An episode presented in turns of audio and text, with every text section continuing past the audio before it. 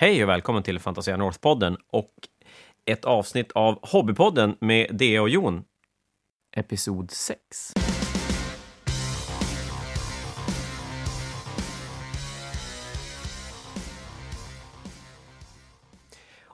Och då, Jon, så sitter ju du på andra sidan, eller hur? Hej, Jon!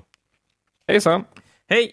Det är Jon och jag är Dea, följaktligen. Eh, vi, ja, än en gång sitter vi här och målar lite figurer. Målar du något annat än Slanners nu, eller är det fortfarande det som står? Nej, jag upptäckte ju att eh, det är någon form av Store Championship på väg, så att eh, det är dags att måla lite 40K. Så jag sitter och målar med. Space Marines just nu. Snyggt. Ja, jag truckar vidare med mina, mina systrar. Jag har faktiskt målat jättelite sen senast vi spelade in det här. Det har varit lite sjukdomar och semester på jobbet som har tagit mycket tid. Så det är ganska kul att få sitta och, och edge-lina, jag inte på det jag kan göra, eh, lite Paragon Warsuits till vad som någon gång i framtiden ska bli en systerarmé. Eller ja, det går faktiskt ganska bra, måste jag ändå säga. Lagom till, till nästa poängändring i januari kanske. Någonting sånt. Ehm, Det går säkert fortare än eh, min Space Marine-armé. dina. Space Marines går ju nästan bakåt, visst är det så? Men det blir väldigt, väldigt snyggt. Det blir ju väldigt tjusigt nu. Det, det, det, vi som har sett den, ja, det är bara synd att man har sett den så länge, så man har nästan sett färdigt den innan den blir färdig. Det, men fortfarande, du bygger, du bygger primarisaktiga Marines av gamla Marines, visst är det så? Ja, det är lite tvärtom, jag bygger gamla Marines av Primaris. Jag, jag kör ju, jag, det är ju bara Primaris som ett headswap, men eh, Terminators är mer eh, byggd av Primaris Marines, fast och Terminator-delar till exempel. Ja. Ja, den blir, den blir, och det är en, men den kan jag det här, det är de här låtsas Space Marinesen. Jajamän, Blood Ravens. Raven, så är det. Och för alla som undrar, det är låtsas Space Marines. Hör vad tyst det blev. Och det, det, här, det här vår åldersskillnad kommer upp. Alla vet ju att Blood Ravens är ett riktigt chapter, men eh, gamla gubbar som du, de kan inte riktigt acceptera det. Nej. Nej, det är helt orimligt. Det går, det går faktiskt inte alls. Nej, jag vet inte. Men de kom i Dawn of War första gången, visst är det så? Ja. Och de har varit med i alla Dawn of War-spel. Och de blev så populära att jag tror till och med GW anammade dem och erkände dem som en grej. Ja, men visst är det så att de är, eh, de är en del av, av ja, men ska man kalla det, riktiga, riktiga Space Marines numera. Ja. Ja. Men det var inte det vi tänkte prata om idag. tror jag. Nej. Eh, vi tänkte prata färger. Vitt och Precis. brett. Sjukt, sjukt vitt och brett. Så egentligen Vitt kan och vi prata om vad, vad som helst. Men, men färger ska vara någon sorts tema i det här, för det är ju någonting som på något sätt knyter ihop det mesta som vi gör.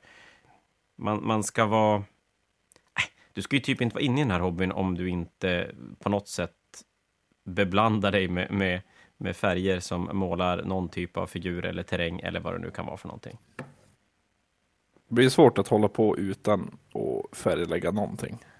Ja, men jag tänker det. Det, det, det är klart, om man rent bara commission, men, men då är du ju ändå uppe i och, och runt massor av målade figurer hela tiden. Så jag tänker mig att oavsett vart du är någonstans och vad du tycker om och brinner för, så måste hela den här målardelen, färgdelen beröra ändå. Ja, och om du commissionmålar så måste du ju ändå välja färger. Du, du gör ju någonstans ett aktivt val att jag vill ha mina figurer målade så här. Ja, faktiskt. Och köper du en begagnad armé, då, då kanske du väljer en snyggt målad armé, eller så väljer du en fult målad armé för att den är billig. Eh, eller någonting. Så att, nej, men det är som du säger, att, att färger är, är någonting som är väldigt centralt i det vi pysslar med. Och, men då tänker vi att, både du och jag har hängt med ganska länge, så att en, en ro, lite rolig grej, för oss i alla fall, sen kanske inte alla andra tycker det, men det må vara, det är ju att, att gå igenom lite grann hur färger har förändrats och vad som har hänt med det under årens gång. Eh, Och lite grann hur det ser ut idag, för det har ju hänt otroligt mycket över åren och jag tror att det är svårt för folk som kliver in i hobbyn nu att eh, förstå vilken, vil, vad annorlunda det är nu mot, mot tidigare. Jag trodde du skulle säga förstå hur jobbigt vi hade det på min tid. Ja, men jag kommer aldrig att glömma när jag köpte mitt första, det måste vara mitt första GV-färgset. Det var en, en, eh, en röd låda, tror jag jag vill minnas, med den här gamla Golden Demon-tecknade eh, eh, huvudet. Påminner lite grann om det som, det som är nu på, eller de, det som var på färgsättningen när de tog bort dem. Men jag, jag, tror att väldigt många har sett den. den. Den snurrar rätt mycket på internet. I alla fall, skitsamma. Eh, och i den så var det då de åttkantiga burkarna. För de runda burkarna som fanns innan, de hann jag som aldrig använda nya. Jag, jag kom i kontakt med dem lite begagnat, men, men i nytt format. Och då var det de, de åttkantiga burkarna. Nej, sexkantiga måste de ha varit. Den kan inte vara åttkantiga, det låter helt bisarrt. Eh, sexkantiga tror jag. Sexkantiga burkar. Med, med ett gummisnäpplock. Och så var de högre, så att de var... Ja, men de var nog en centimeter högre än de burkar Citadel har nu. Och så fanns det, det var ett gäng vanliga färger och så var det en burk med, med blått lock. Som det stod Chestnut Ink på. Och då målade jag den på min figur, osprayade figur, metallgubbe. Och den täckte ju ingenting. Och jag blev så jävla förbannad så att jag slängde bort den burken.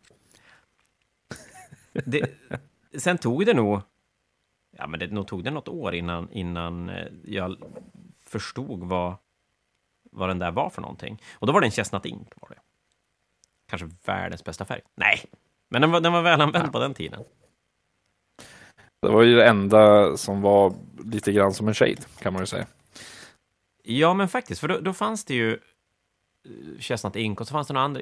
Det fanns några andra inker också, gjorde det. Men det där var ju som den tidens Agrax, kan man väl säga. Ja, men lite så. Men, men den var ju väldigt mycket färgstarkare än vad de är nu och den var ju blankna djävulskt. Så jag vet att jag var aldrig något fan av, av uh, inkerna där de fanns. Jag, jag, vet inte, jag vet inte om tanken var att man skulle måla med dem som man gör med shader, eller om det var mer... Om det var någonting annat. Det har jag nog aldrig riktigt grävt in i. Eh, när jag fick mitt första färgsätt, då var det ju... Då var det inte Chestnut Ink med, men det var ju den här som hette Flesh Wash. Men då hade du, Ink fanns ju fortfarande. Vilka burkar, vilka burkar... Du klev in i de svarta skruvkorkarna, va? Jajamän, jag klev in i svarta skruvkorkar. Och du, och du håller på fortfarande? Ja, fast inte med skruvkorkar. Aldrig mer. Nej, men alltså helt otroligt. För er som inte har varit med om det, så när de gick från... Jag vet inte, de här burkarna, och sexkantiga burkarna med, med snäpplock, de togs upp av ett annat företag, för det var ju inte Citadel som gjorde dem själv. Jag tror inte att de gör färgerna själv nu heller, men det är något annat företag som har det färgmärket i sin... Men jag kommer fasiken inte ihåg vad de heter. Ja, det här kan ni säkert inte ute och det är väl bara en googling bort. Men i alla fall så när GV ersatte de burkarna så ersatte de med, det såg nästan ut som små glasburkar. Sexkantiga också, med ett svart skruvlock eh, som var så ergonomiskt så att man skulle få bra grepp när man öppnade dem. Problemet var att de gick ju typ inte att öppna. Nej, de torkar ju fast, färgen torkade ju fast och det värsta var ju att de var ju de gick inte att stänga för det var alltid någon färg som torkade emellan så färgen torkade ju burken ganska fort. Mm, ja, det är så illa när det viktigaste verktyget när man målar figurer, det var inte sådär äh, penslar eller, utan du behövde typ antingen gummihandskar eller en polygrip för att orka vrida upp burken. Det är faktiskt att jag, när jag tittar tillbaka på den tiden, för det, det kan jag se lite grann när jag, när jag tittar tillbaka på editioner i olika spel också, att när jag är väl in i det, upp i det, då, då tänker jag nog inte på i detalj vad jag inte tycker om eller vad jag tycker om om det, utan det är först när man tittar tillbaka och så tittar man på hur mycket hobby jag då, eller hur mycket spelade jag då, när jag inser att okej, okay, den här editionen kanske jag inte tyckte var så himla bra. Och jag insåg att jag målade ju inte alls så mycket under den perioden med de färgerna och det fanns ju inte så mycket alternativ till det heller. För att väldigt ofta när man satte sig och skulle måla, då fick man inte upp färgburken. Så bara, skit i det här, då, då gör jag någonting annat. Eller så öppnade man och när man äntligen fick upp det så var det bara torr färg där inne. Ja, men eller hur? Eh, och så fick man köra med den tills den... Och det var aldrig lönt att stänga den, för då visste man att det var färdigt ändå. Ja, nej, det, det var hemskt. Men de där fick nog GW ganska mycket kritik för, som lyckas som komma fram, även fast det inte fanns Facebook. Så att de byttes nog, jag vill säga relativt snabbt mot samma typ av burkar, fast man fick ett snäpplock istället, istället för skruvkorkar. Oh, den, den tiden minns jag ändå. Det var, det var trevliga, det var trevliga lock faktiskt. Inte så, bra, inte så bra tror jag egentligen. Men alltså jämfört med skruvkorken så var det ju, det var ju fantastiskt. Ja, men det blev ju en, en, en hav av skillnad när man helt plötsligt faktiskt fick upp färgburkarna. De torkar nog nästan lika fort i burken ändå, men du fick i alla fall använda skiten. Ja. Det är en klar förbättring när man vill sitta och måla. Ja, det blir ju roligare. Onekligen. Lite grann. På den här tiden så fanns det ju humrollfärger i, i sådana här små, ja, men, små burkar som ser ut som riktiga färgburkar, där du är tvungen att liksom bända upp locket och sen hamra igen det för att du böjer upp metallkanten. Och de är ju inte vattenbaserade. Och Humra släppte även vattenbaserad färg, men, men det var faktiskt enormt usel, usel färg, så att det var väl aldrig riktigt aktuellt att använda det istället. Så, så, så man krigade med, med citadellfärg, även, om, även när det kom, för det var väl Vallejo som dök upp som det som första konkurrerande märket mot Citadel. Mm. Och då inser man ju att även då, även om burkarna var lite si, si och sådär från GVs sida ibland, så färgen är ju jätte, jättebra och var, i förhållande till vad man hade att välja på då så var det ju jävligt bra då också. Men det var en bra färg. eh, Det var ju som du säger, om vi tittar tillbaka på gamla inks som Chestnut Ink eller Fleshwash och alla de där så var det ju fortfarande det var ju lite, men tanken var ju att de skulle flyta in i, de skulle egentligen funka lite grann som dagens shades. Men eh, de gjorde ju inte det, för som du säger, de var jätteglansiga. Så när man målar med dem så för, det tycker jag, jag tycker det var som att man förstörde modellen, för det var ju som det såg ut som faktiskt vatten i, i skuggorna. Ja, men lite grann som gloss-shaden, fast den hade inget så här tydligt du ska använda det på metall för att behålla lyster, utan, utan den bara blev så. Sen, sen lämnar den ju enormt mycket skitvattenringar när den pölar sig, så att du hade ju som aldrig chans att ta bort den, för direkt du tog bort den så hade du ändå, syntes det väldigt tydligt för den hade legat någonstans. Ja precis, det var ju direkt, eh, den torkar ju direkt i kanten så att som du säger, de där skitvattenringarna Eh, den blev ju direkt. Så om du någon gång råkade torka bort den, ja, då, var det bara, då var det bara att måla om hela ytan. Ja, därför tror jag att det var inte så himla många som använde den. den, den däremot är den ju enormt saknad i efterhand och det är väl egentligen för att ganska sent upptäckte man att det var en enormt bra grej att använda för att göra blodeffekter. Ja, den hade jättebra eh, användning. Jag minns jag använde Fleshwash inte för att washa flesh så att säga, utan jag använde den mest till att göra rosteffekter. Eh, ja. Så riktigt skit bland metallen, liksom, där, där det rann. För den var just där rödbrun. Så man kunde få ändå ganska schysst rosteffekt som när det rann mellan buttrar och skruvar och bultar och sånt där. Men det blir väl lite grann så var man, vart man landar någonstans, att man använder färgen till. Jag tänker nu när, när GW har släppt nya shader igen, så är det inte bara positivt för att vill man ha lite av den mer, ja men lite mer pigmentstarka shaden så får man ju inte det nu. Med nya Null till exempel. Och det får man då är inte sagt att den gamla är sämre eller bättre eller så, utan men de, de blir ju som annorlunda. Jag skulle säga att den nya har väl lite fler, eh, eller ett bredare användningsområde. Eh, det är ju många som kanske inte tränat på att måla eller många som vill vad ska man säga, förbättra sitt målande. Eller jag vill, jag vill använda ordet enhance, men jag kommer inte på det svenska motsvarigheten. Förbättra blir väl bra. Eh, men, ja, men vi säger förbättra. De som vill förbättra sitt målande kan ju, då gör ju en shade som den ser ut nu en jättestor skillnad. Att ge skugga och djup och 3D-effekt på en, en platt yta. Eh, man kan måla ansiktet i en färg och lägga på en shade och då ser det ändå okej okay ut. Ja, ja men absolut. Det, där är det jättestor skillnad. Eh, kommer du ihåg när Agrak, nej inte Agrak, när Devlan kom första gången, alltså första riktiga, riktiga shaden, mm. då, då alla arméer förvandlades till en, en liten brun sörja. Jo, det var ju ganska kul när uh, Devlan Mud, nu kommer jag inte ihåg vad den svarta hette, Balla Black, Black kanske? var det va? Ja, mm. Ball Red om man ska komma ihåg alla de där. När de, ja, de kom, kom i samband med, de kom, de kom i samband med foundationfärgerna, gjorde de? Visst var det så? Ja, just det. Ja, ja precis. Det var foundationfärgerna med lite mer pigment för att det skulle täcka bättre. Och, eh, det var ju verkligen färg som jag känner hjälpte eh, vad ska man säga, snittmålaren. De som kanske målade för att det var ändå kul att måla, men gärna spelade och gärna blev färdiga. För att då fick du en färg som först och främst täckte. Och akrylfärger är ju inte egentligen till för att täcka så att man faktiskt blandade i mer pigment så att färgen täckte. Det var ju jättebra för att få en stadig grund utan att behöva lägga 14 000 lager. Och ja. sen kunde du lägga en shade på det. Eh, till exempel Devlan Mud eller Ada Black eller vad som helst. Och så blev modellen i princip färdig. Ja, men, och det här var ju den tiden när vi var ganska på Fnatic-turneringen. Och för er som inte vet det så är Fnatic-turneringen vår lokala, lite större turnering som hålls i Umeå två gånger per år. Och den har rullat rätt länge och passerat väldigt mycket olika ska vi säga, tankesätt på hur man ska hur man ska hantera en turnering. Men i alla fall, under den perioden så hade vi rätt mycket målarpoäng. För er som var med kanske till och med man skulle kunna säga att vi hade ganska bisarrt mycket målarpoäng. Mm. Och det märktes när Devlan Mud kom hur den, den lägre snittkvaliteten på figurer höjdes ganska rejält. Alltså det var, det var mycket färre arméer som gjorde att man, man började gråta när man tittade på dem.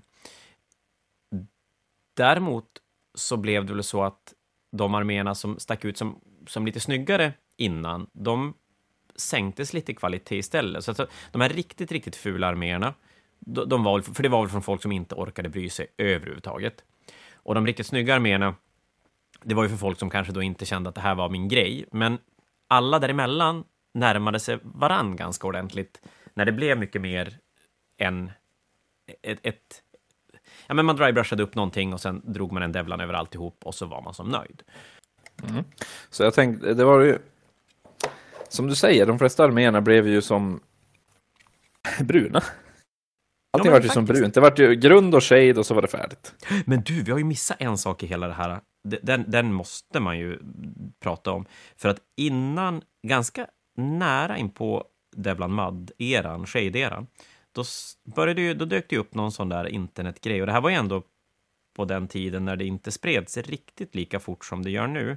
Eh, och saker och ting kanske inte fick namn heller på samma sätt. Men i alla fall så dök det upp en variant där du köpte eh, vanlig träbets på, på färgaffären. Och så helt enkelt doppade din figur och bara skakade av den. Alternativt penslade på den för att, för att den inte skulle bli hemskt tjock. Och då, för er som har använt träbets på, på, på trä, så är ju, den är ju till för att sjunka in i ådringen i träet och ta fram ådring i trä. Och principen var ju egentligen samma tanke som man hade med Devlan Mud, eller, eller kontrast egentligen, som man målar med nu. Men den var ju superduper duper färgstark, men rann ju undan ganska bra, så att du fick ju enorma skuggor i figurerna. Men däremot var den jätteblank, så man var ju tvungen att mattlacka den. Och här någonstans så startade väl Army Painter sin resa genom att släppa sin Quick Shade, som egentligen var träbets, fast lite mer utspädd för att passa bättre för, för figurmålning. Ja, de eh, släppte ju de här stora plåtburkarna med dipp. Ja. Tror jag minsann det hette. Det ja, den finns ju kvar fortfarande. Gör den. Ja, det gör den ju. Men, alltså, Till för att doppa modellen. Ja, men jag vet, jag, jag, målade, jag började måla en Empire-armé. Det här måste vara precis i... Hur fan kan det här ha varit? Ja, det är skitsamma. I alla fall, jag, jag började måla en Empire-armé och då, jag limmade magnet, eller, eller eh, metallbrickor under baserna och så satte jag en magnet på en skruvdragare. Och så sen på där, ner i burken, ner i en kartong, starta igång skruvdragaren för att som skaka av den ordentligt. Ja, jag hade ju målat grunden först. Man la ju då eh, varje grundfärg och sen gjorde man så. Jag vet inte. Nej, det var fan inte bra. Det fanns, alltså, det fanns inget bra med det. Du menar att du doppade dina modeller, satte fast dem på en skruvdragare och snurrade runt dem för att ja, skaka av dem extra? Med, med skruv, alltså, jag, jag satte fast dem på skruvdragaren och doppade ner den i dippburken. Oj. Och så lyfte upp den ner i en kartong och så startar man skruvdragaren. Eh, så då snurrar den ju väldigt, väldigt fort och så skakar man av allt det där. Eh, ja, jag vet inte. Är den snygg då? nej, jag tror inte det. Nej, nej. Men det, det, är ju lite sån tidig variant av alla varianter som har dykt upp nu med, ja, med kontrast till exempel. Eller nya, vad, vad kallas det? Jag som internetar så mycket, vad heter det? Slapstick? Nej, inte slapstick, slapshop. Eller något sånt va? Jag är för dålig på internet så jag vet inte. Ja, med någon målarteknik som, som folk och bananas över, som är jättebra, som egentligen verkar vara att man, man drybrushar lite ljusare färger och så sen slänger man på en shade eller en kontrast över alltihop. Wow. Det lät inte så eh, revolutionerande om jag ska vara helt ärlig. Jag tror att det revolutionerande i det, det är att någon har kommit på idén att sätta ett namn på det och gjort en grej av det som, som, ja. eh, som blir. Men, men att nej, det, det, det är nog ingenting super, super, super speciellt över den. Ja, det är inte något nytt, för det där, det där vet jag att jag har gjort för jättelänge sedan och det, jag vet fler som har gjort det där. Ja, men det var ju, Man när, när Devlad shade. kom första gången, då var det ju väldigt mycket så man målade. Man drybrushade upp figurer och så sen shadade man ner dem. Och sen var det färdigt. Och så blir det, blir det okej. Mm, Sådär. Eh, Jag, jag tycker i och för sig, det är ju skönt att folk gör sin, men hittar sin egen väg för att bli nöjd med sina figurer, eller bli färdig kanske ännu hellre. Någonstans kom ju de där färgerna för att bli, man skulle bli färdig. Det var ju lättare att bli färdig, det gick fortare att bli färdig. Och jag tror att alla, nej, alltså de alla, eller så här, nu tar jag det från början. Jag har nästan kommit till en punkt när jag börjar undra om man måste börja särskilja våra, våran hobby i ännu fler bitar. För figurmålning har ju tagit, har ju blivit någonting annat. För att det har ju alltid funnits gott om Warhammer inom situationstecken spelare som egentligen aldrig har spelat, utan man har målat figurer, byggt arméer, limmat gubbar, läst lore, men man har aldrig tagit sig till spelbordet. Det har alltid känts som en, Mm. en, ett läskigt steg att ta, eller man kanske inte har några polare som, som och man, man känner sig inte redo att kastas in i en spelförening eller i en butik och, och spela och, och sådär. Eh, och de har ju alltid funnits. Och de har ju alltid hållit på med Warhammer-hobbyn, det är ju absolut ingen snack. Nu däremot så, så eh, att måla figurer nu är ju någonting betyder ju, eller är ju någonting mer än att måla en Warhammer-armé. Nu är det ju väldigt många som man målar byster eller man målar brädspelsfigurer eller vad det kan vara för någonting. Och där ska jag nästan vilja säga att det blir nästan så att Warhammer, ja, vi ska se om, det, om jag kommer hitta vettigt här, att Warhammer blir en hobby i sig. Att eh, figurmålning, absolut, men du kan vara en figurmålare och måla figurer utan att hålla på med Warhammer, om du förstår hur jag tänker. Ja, det, det jag tycker är lite speciellt med våran, våran eller Warhammer-hobbyn, eller f- alltså figurspelshobbyn, om man håller på med Malifaux eller War Machine eller vad det nu kan vara för någonting, det är ju att det här man har ett driv att måla figurer utan att nödvändigtvis hela tiden bli bättre. Ja, det är ju en stor skillnad på de som, ja, till exempel jag följer på Instagram, som inte målar Warhammer-modeller nästan överhuvudtaget.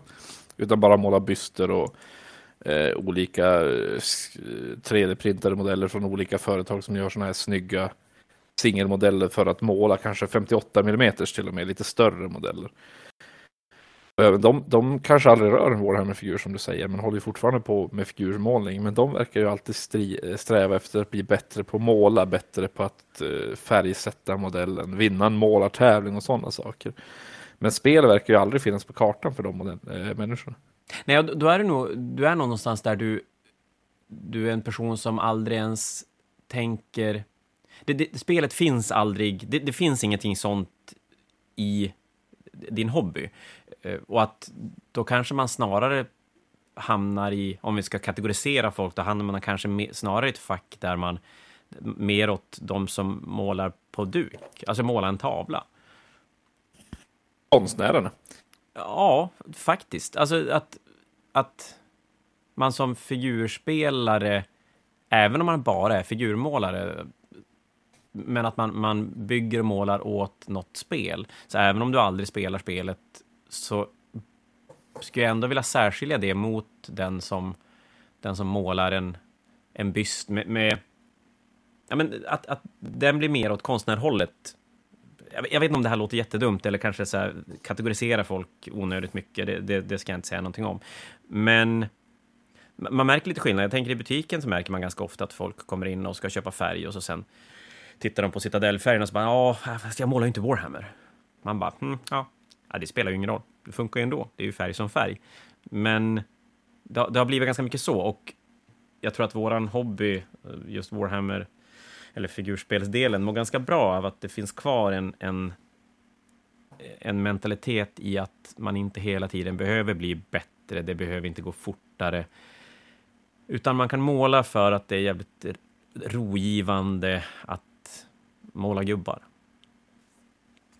Ja, man måste nog nästan ha kvar det för att eh, du vill ju inte att målning bara ska bli prestation, för då kommer du ju alltid att finna, då kommer du att sålla bort folk som Ja. inte vill lägga ner tid och ork på att bli så pass duktig så att man kanske kan börja tävla i just målning också, sådana saker. Och Ja, precis. Jag ska säga det, Jon, Det du kan finns- inte knappa tangentbordet när du, när du poddar. jag knappar inte tangentbordet. Gör det inte, vad fan gör du då? Tvätta pensel? Jag tror jag tvättar penseln. Ja, men det får man göra. Det är godkänt. Det är ett ljud vi, vi tycker om att höra när vi gör det här. Ah, skitsamma. Jag, Nej, men har, som du jag, har inte ens ett, jag har inte ens ett tangentbord här faktiskt. Ja, då är det svårknappat. Ja. Nej, men som du säger, att när... när för att det är det jag tycker är så härligt med, med när man spelar till exempel. För jag, jag tycker ju att alla som målar figurer för till Warhammer Malifaux, må vara vilket figurspel det än är, att man ska försöka kasta sig ut i spelvärlden också och spela. För att det är så härlig hobby i att du kan ju spela och vara fan sämst. Det spelar ju ingen roll. Du har ju skitkul ändå. Eh, du kan vara med på turneringar och, och i det fallet blir det som vuxna som får vara med när man, som när man var barn. Att du kan vara med och åka i en skidtävling och komma dead last för du vet inte ens åt vilket håll du ska hålla stavarna. Men det är ju ingen som bryr sig. Föräldrarna står och applåderar och tycker det är skitkul. Ingen kanske applåderar åt dig när du, när du kommer sist på en Fnatic, men ingen kommer ju som att säga att nej, men nu kan du inte vara med längre för nu är du för dålig. Nej, precis. Och målningen blir ju precis samma sak. Att man måste kunna känna sig nöjd med hur man själv målar. Och, och man måste kunna känna sig nöjd med att man är färdig också. Oavsett hur det ser ut så är man ju färdig. När man är färdig så har man ju liksom målat färdigt armén. Ja, det, är ju, det är ju framförallt tycker jag att det är otroligt eh, rewarding eh, när, man, när man gör färdigt. Just att måla baskanten svart, den ska vara svart. Alla andra som säger någonting har fel. Och, och ställa undan. Och bara så här, att, kolla, jag är färdig. Första med en figur, sen med en unit, sen med en armé. Och det är ju så, det är en sån enormt härlig känsla. Och de allra flesta kommer ju att ha en, en helt, från en helt okej upp till någonting väldigt snyggt när man gör färdigt. Du ska Ja, vara ja. Alltså, riktigt cass. Jag tror inte ens du ska, alltså, nej men du ska inte ens försöka. Alltså ja, de enda ful, om, jag ska, om man ska säga att det finns fula arméer, för det finns fula arméer, men de enda fula arméerna jag har sett, det är ju inte de som är för dåliga på att måla, utan det är de som bara slänger färg på någonting för att få spela. Ja, men egentligen, De bryr ja, sig ju inte. Nej, men du, har helt rätt. Och, ka- kanske lite grann också de som hamnar i ett läge där man vill måla. Man bestämmer hur man vill måla innan man har testat och så vägrar man kanske inse att ja, men vita Space Marines kanske inte jag riktigt klarar av. Kanske ska måla någon annan färg på Space Marines. Det kan ju vara en sak också, men, men oftast Ja, går det ju att lösa ändå. Och, och som sagt, även där, jag menar, vitsprayade Space Marines, måla shoulderpads, måla, må- måla, måla puffran, måla örnen, egentligen bara träffa rätt, paint by numbers, och så kanske få dit lite transfers och så göra en, en, en bas med någon tuva, och det kommer att se, det kommer att se bra ut. Ja, som sagt, ja, det är, ju- de, de fula arméerna, det brukar ju vara som du säger, det är antingen de som inte bryr sig eller de som kanske vägrar inse eh, sin egen begränsning eller ja, vita Space Marines. Man har ju sett vita Space Marines som ser ut som zebror nästan. Ja, för det är klart, det är ju ganska svårt. Men då kommer ju, eh, intressant också tycker jag i det här, det är ju att vi har ju kommit till en, en informationsålder där det, alltså allt går ju att på något sätt ta reda på. Det, det går att hitta vägen till hur man kanske vill måla. Och det är ju positivt, för då slipper man kasta bort en Chestnut ting för att man inte, man fattar inte riktigt var den, var den gör. Men jag vet inte, jag kan tycka lite farligt i det här också, det är att kan det bli så att folk slutar... Eller att man tar för stora steg på en gång? Eh, det kan det säkert göra. Eh, det var ju lite det vi pratade om tidigare avsnitt, om ni lyssnar tillbaka på det. Eh, Det var ju det här med hur eh, barn till figurspelare kanske knuffas bort ur hobbyn på grund av att de har en förälder som sitter och ger bra tips och Ja, eh, visar eh, sina egna modeller. Att de, de, de känner att de behöver utvecklas snabbare än vad man klarar av. jag tror att både du och jag... Ja, men jag tror att både du och jag hamnar lite grann där med kidsen hemma. För du har en Ja. åttaåring hemma. Åttaåring. Och jag har en nioåring. Eh, du har ju lyckats klart mycket bättre att få, få han intresserad av, av måla figurer och eh, spela figurspel. Eh, jag har varit sämre pappa där. Men jag tror att båda du och jag har, har märkt av det problemet. Att det, jag har nästan, det är nästan svårt att, att sitta och titta på och så bara, men du, du gör ju fel. Du, du Gör inte sådär, det blir bara besvärligt. Men någonstans så är det ju nog ganska bra för din egen utveckling testa lite saker på vägen fram. Och även om du är vuxen och kliver in i hobbyn och, och tittar på massa bra tips och tricks och vart man ska börja och vilka fel man inte ska göra från början. Ibland kanske man måste göra dem inom situationstecken felen, för det behöver ju inte ens vara fel för, för dig. Nej, och det, jag tror det är viktigt att få göra sina, e- sin egen resa och jag tror med internet som finns nu och alla eh, Youtubers som har sina goda råd ute. Risken är att man eh, eh liksom försöker utvecklas så snabbt och skippa den här resan. Eh, och så sitter man och som, man börjar som börjar som simma i den djupa änden på poolen på en gång. Och det enda man har fått som träning innan är någon på internet som har sagt så här simmar du. Ja, ja men det är, det är en jättebra liknelse. Och då är det ju, ja, det är klart i simning, då är det ju svårt kanske att tappa sugen. Eller ja, du drunknar ju och det är ju ett sätt att tappa sugen. Men i figurväg så, så antingen så känner du att du inte klarar av det du, det du ger in på och du lyckas som inte göra det du ser andra göra och tappa sugen. Alternativt så klarar du av det för du landar ganska rätt i, i vart du är själv, men det blir svårt att ta sig vidare därifrån på något sätt. Att man, och, och, eller att man börjar leta nästa steg för att göra det ännu bättre. Och det, det, ska väl ändå kommas ihåg att när det kommer till konstnärskap och, och, måla och grejer, visst, alla kan utvecklas mycket och alla kan bli väldigt, väldigt duktig. Men vi, vi kommer ändå in med ganska olika förutsättningar i hela figurmålandet och egentligen lite, lite samma sak med spelandet också.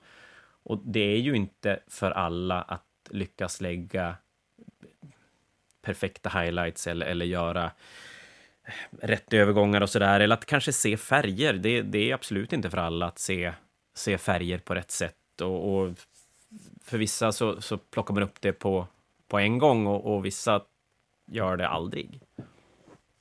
Nej, alltså man, man får inte glömma bort att alla har ju inte sin egna målarstil. Och det är någonting som måste utvecklas från de här misstagen man gör, den här resan man gör. För eh, om man jämför mig och en annan målare även om vi båda kanske målar bra och vi båda målar med ungefär samma tekniker så målar vi ändå inte på samma sätt.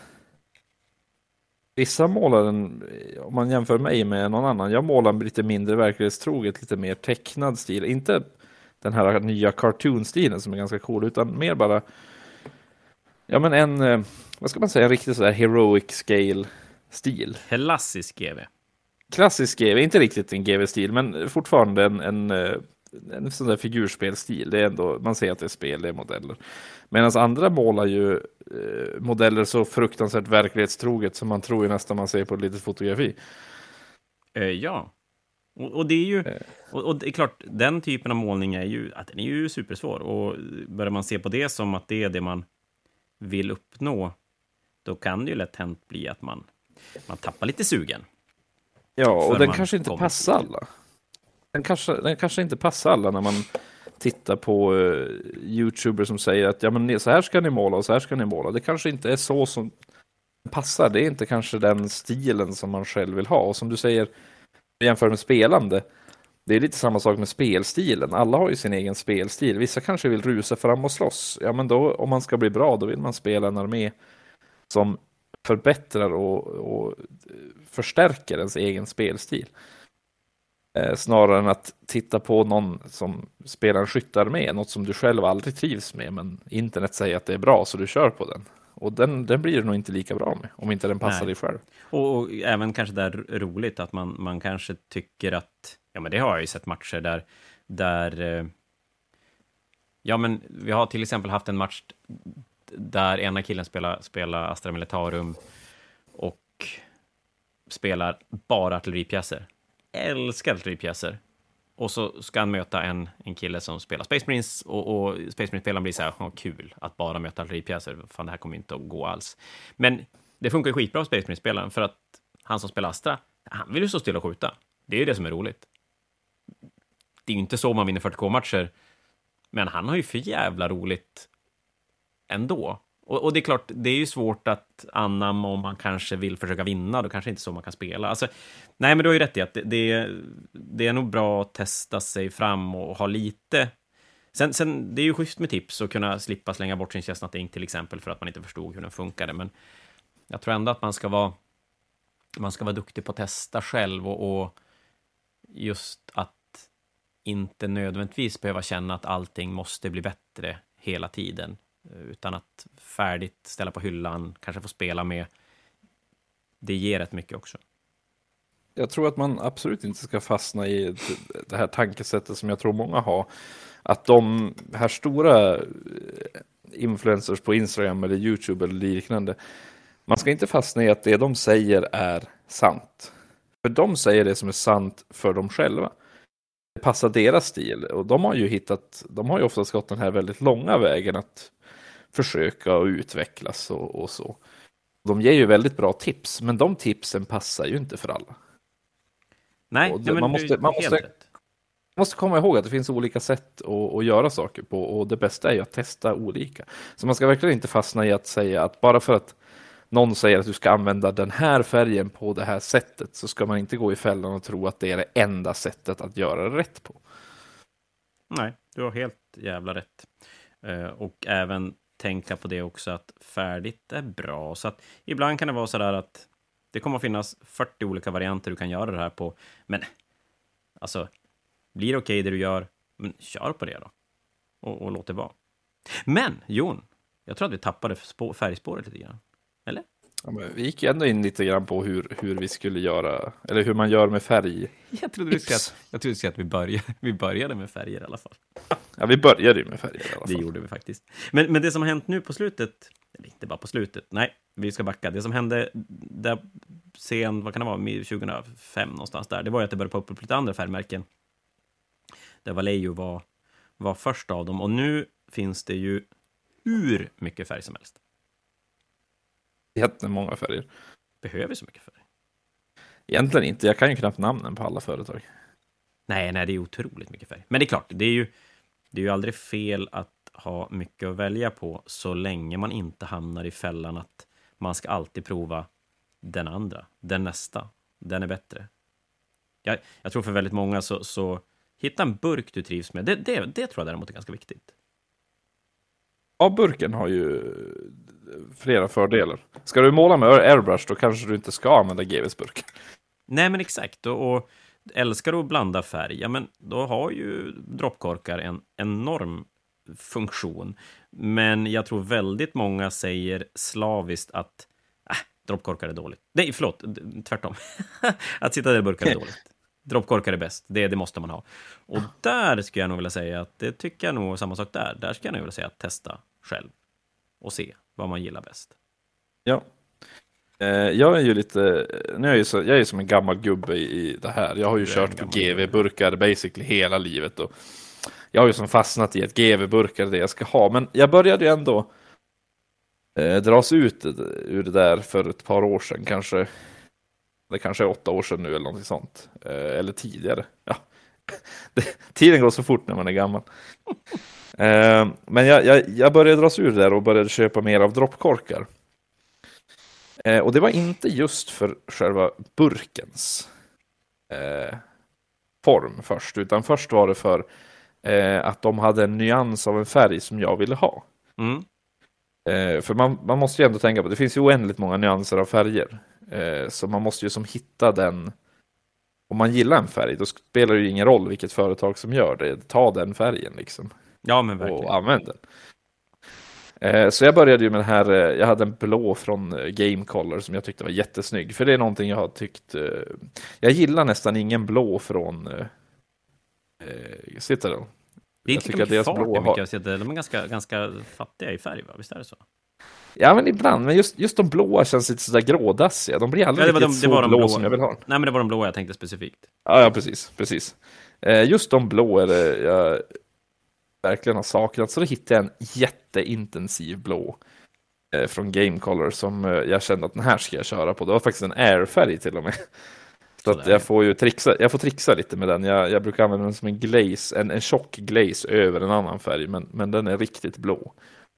Och efter det så började jag som köpa lite fler droppkorkar till exempel, eh, där det var annorlunda färger. Och sen till slut så kom det ju någon punkt där jag, ville, jag behövde en vit. Alltså det var kris att jag skulle ha en vit för att kunna ens fortsätta måla. Och så kommer jag in på Fantasia och så säger du att det inte finns någon vit. Den vita är slut. då var jag ju tvungen att ta en vit från eh, GVs vita var slut, så att jag var ju tvungen att ta Vallejos eh, vita. Och eh, sen dess har inte jag gått tillbaka. För jag tyckte så bra om den Dead White och då var det inte på grund av flaskan utan då var det på grund av färgkonsistensen. Den är mm. lite mer trögflytande eh, än EVs eh, White Scar. Men den är, inte så, den är inte lika tjock som Ceramite White, så den är lite mellan. Ja. Då är det faktiskt första gången jag började köpa en färg enbart för konsistensen. Jag säger inte att den ena färgen är bättre, men den kändes bäst för mig och det jag använder vitt till. Där kom vi in lite grann i personlig stil. Vilken färg ska man använda för att det ska passa mig och det jag vill göra med färgen? Ja, nej, du har ju helt, helt rätt. Jag är ju en enorm GV-fanboy, eh, kanske störst av dem alla. Nej, typ, ja, men fan inte långt ifrån. Eh, och jag uppskattar ju någonstans...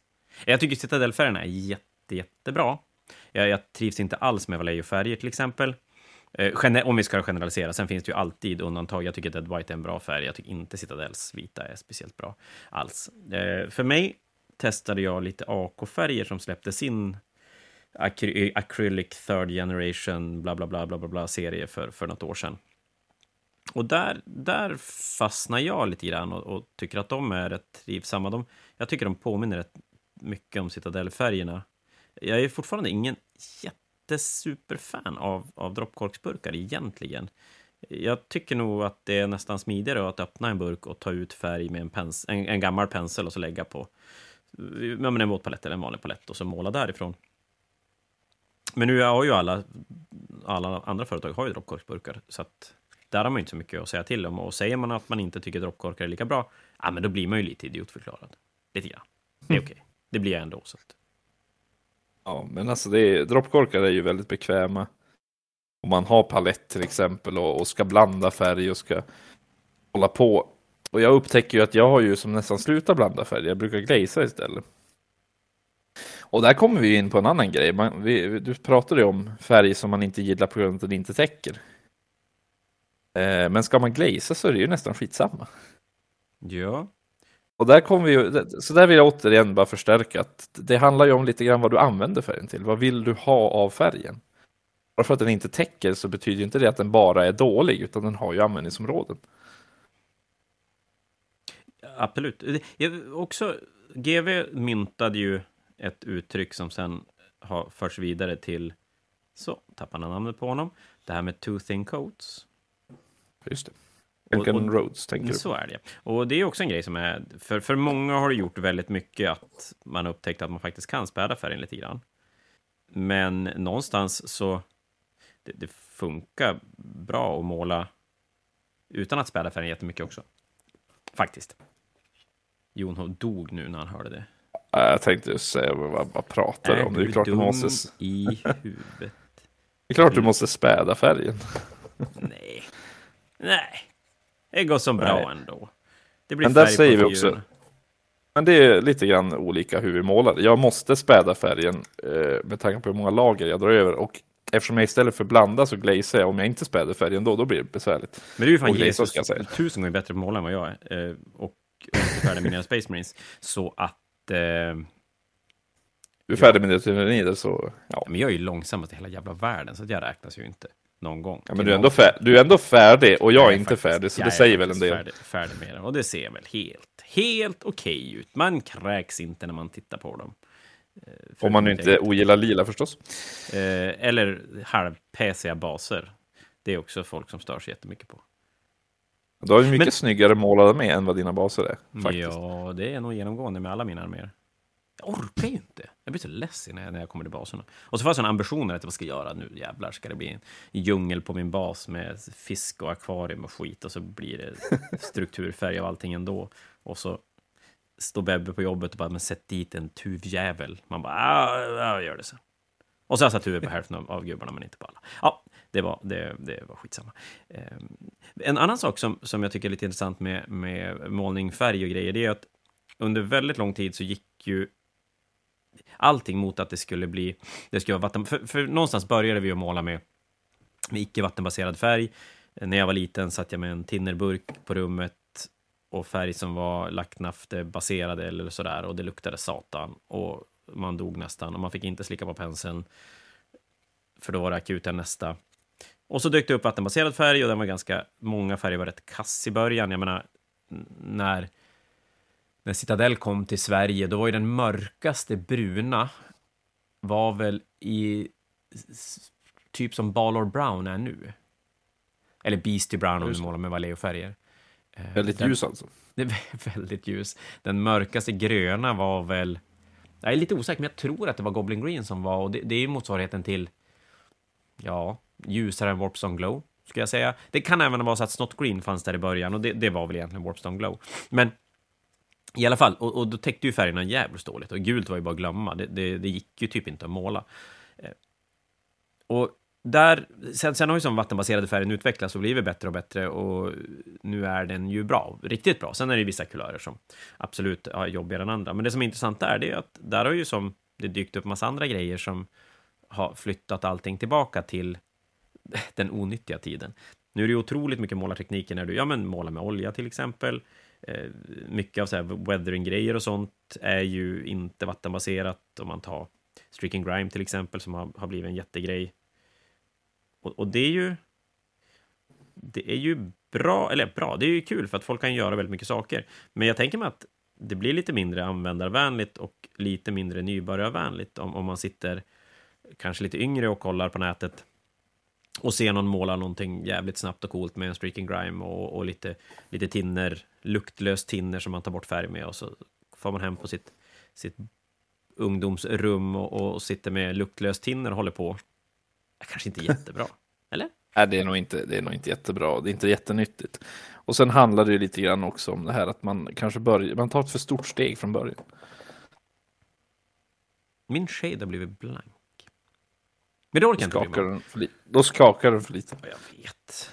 Bråttom. Ah, skitsamma. Nej, men ja, du har ju rätt. Alltså, då, då hoppar man kanske för många steg. Och då, då kan jag också tänka mig att risken är att man att det blir besvärligt och så orkar man inte. Eller föräldrarna blir förbannade för det luktar skit i hela huset. Ja, men alltså det är man. Streak, jag har ju inget emot Streaking Grime nu. Nu har jag inte använt det själv så jag kanske inte ska säga så mycket. Men man får inte glömma bort många av de här sakerna som har kommit nu. Man kan ju göra samma effekt med en pensel om färg. Eh, även fast det är mer eller mindre komplicerat. Ja, ja men absolut. Och det Sen är det kul att det finns vägar, för nu kan du göra magiska grejer med, med mycket annat också. Eh, det, det är ganska kul hur grejer som egentligen är meningen att användas till något helt annat dyker upp i, i vår hobby. Dirty Down är väl en sån, den här nya effektfärgen som...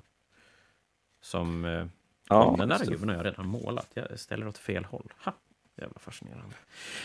Um, Just uh, hårspray var ju det första jag uh, hörde om. Ja, men det var ju jättecoolt. Jag det kommer jag ju nästan ihåg. Det var någon snubbe som hade målat en Space Marine. Jag vill säga att det var en stor Space Marine, alltså typ en Forge World.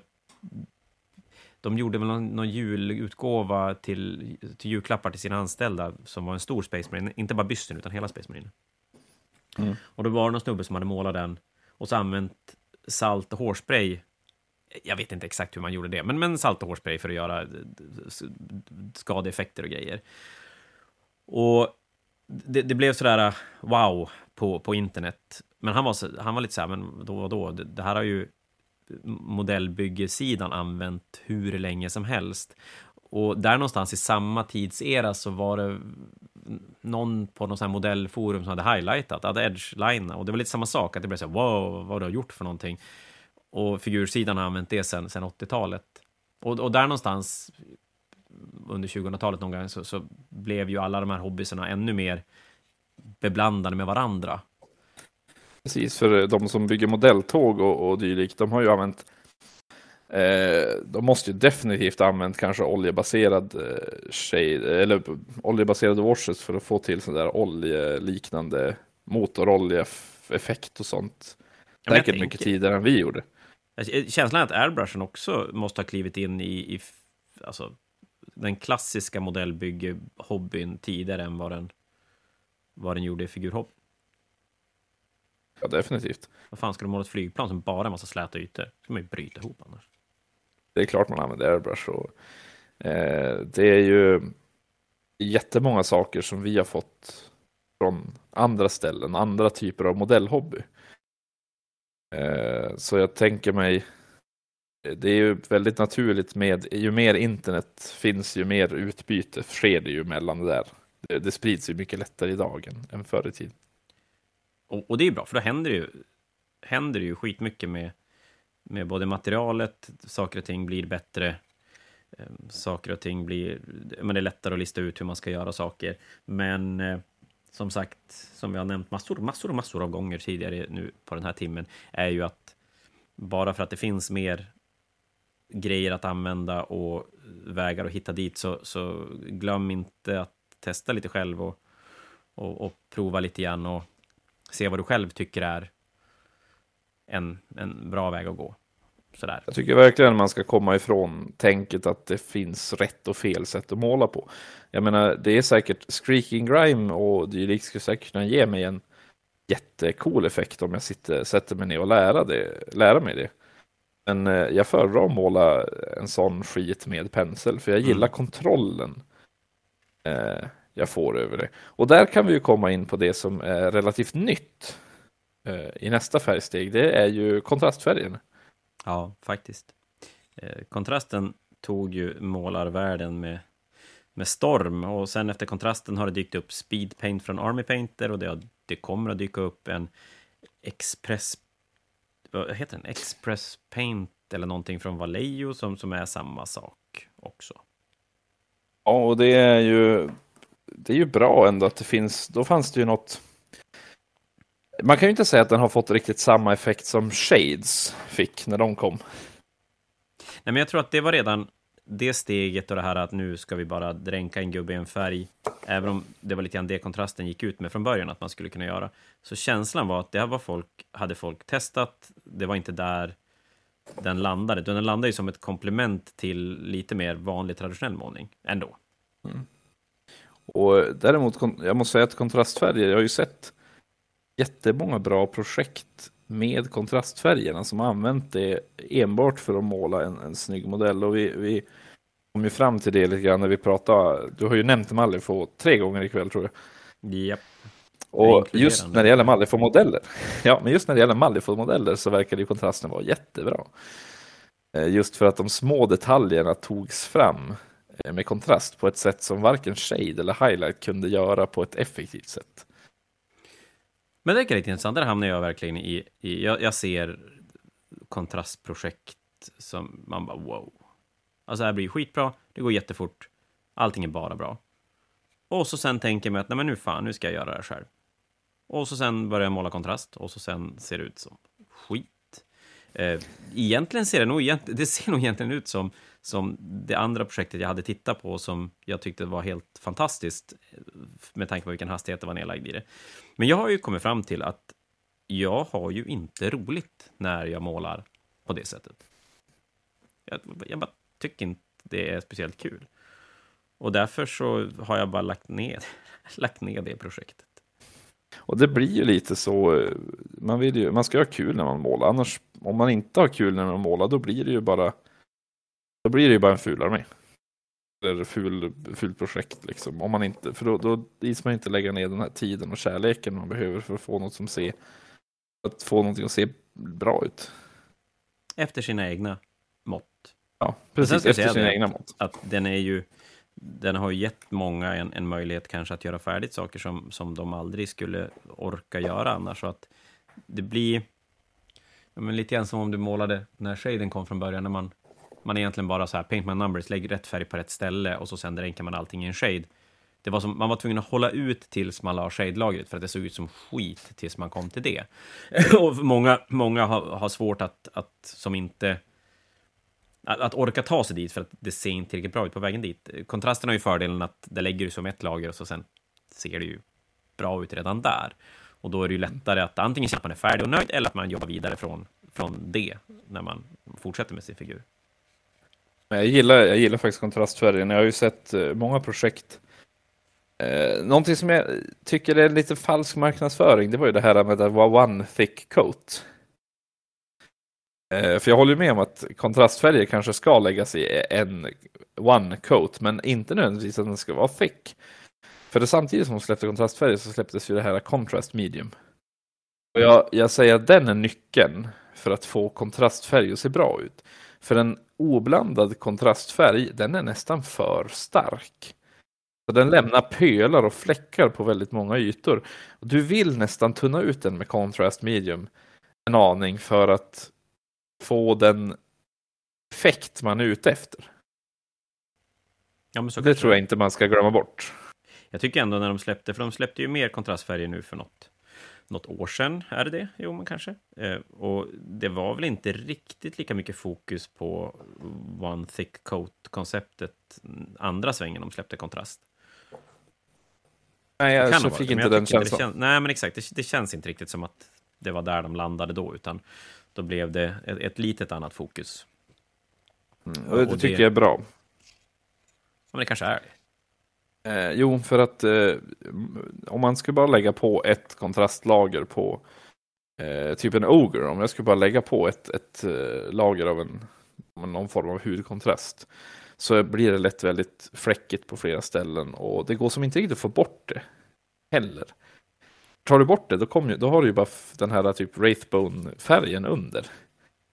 Det är inte den färgen du vill ha, du vill ju ha den här hudfärgen, så då behöver du tunna ut den med contrast medium för att få den i rätt konsistens för att flyta ut på ett bra sätt. Man vill alltid måla på svart undercoat. Det var visa ja, blir... från mig. Ja, det är lite svårt att måla med kontrastfärger då i och för sig, men om, om det funkar Exakt. för dig så kör på. Exakt. Mm. Ja, så är det. Eh, ja, men det där var väl Ja, hur går det med målning förresten? Jag har eh, edgat de här Space Marines som är framför mig och eh, just nu sitter jag och funderar på vilken färg ska jag måla härnäst? Mm, jag har edgelinat nästan färdigt. Nej, två paragoner och en tredje på väg och sitter jag stör mig på att traden har blivit blank. Jag tänker att jag ska måla vidare och så ska jag sluta störa mig på det. För att det är skitsamma när de står på brädet tillsammans med allting annat. Tänker jag. Det är ju svårt att fixa det utan att måla om modellen. Ja, Ändå. och det kommer ju inte att hända. Det kommer inte att hända. Nej, jag tror aldrig kanske kan dra en Du kanske kan mattlacka eh, shaden. Ja, mm, nej. Möjligtvis. Men det kommer du inte orka heller. Nej, det kommer inte att synas. Jag ska göra baser på dem och sätta tuber. Det är det som är mitt mål. Nej, men du Jon, nu har vi eh, snackat kanske mycket annat än färger. Men vi har pratat lite färger under en timme samtidigt som vi har suttit och målat. Jag hoppas ni där ute har tyckt att det är okej okay att lyssna på oss. Vi kommer inte att ge upp. Det kommer en del fyra med ett spännande nytt ämne som vi kan släppa och prata om något helt annat under en timme istället. Så fram till dess så eh, finns det lite figurer att kika på på Ja, det kommer ju vara hemskt att lägga ut dem på Instagram, för det kommer inte att, alltså jag ser ju inte ut som jag har gjort någonting. Men eh, det kommer ligga ute lite... Kan, ni... Vad säger du? Ni kan, ni, ni kan titta på mina Space Marines på Instagram eh, så jag slipper det stå för sina paragoner. Jag kan inte lägga ut mina gubbar samtidigt som du gör det. Alltså för ni som inte vet, Jon är ju löjligt duktig på att måla. Alltså, dumt duktig på att måla. Hmm. Det här måste vi lösa på något sätt. Du får byta ut mig mot någon som är mer, eh, någon som är sämre än dig på att måla helt enkelt. Det låter som en plan. Fast du är ganska trevlig att prata med, så jag tror jag hänger med det och så sen får folk bara leva med det. Det blir bra. Nej, men som sagt, på Fantasia North på Instagram kommer det även ligga ut lite bilder på det projekt vi, vi bygger på. Det ska bli någonting armémässigt längre fram. Vi får väl se hur många avsnitt vi har spelat in innan vi börjar närma oss det. Men oavsett, tack för ikväll Jon. Vi återkommer längre fram med nya ämnen och nya hobbypoddar och tack för alla er som har orkat lyssna den här timmen så hörs vi mer sen. Hej då på er! Hej då!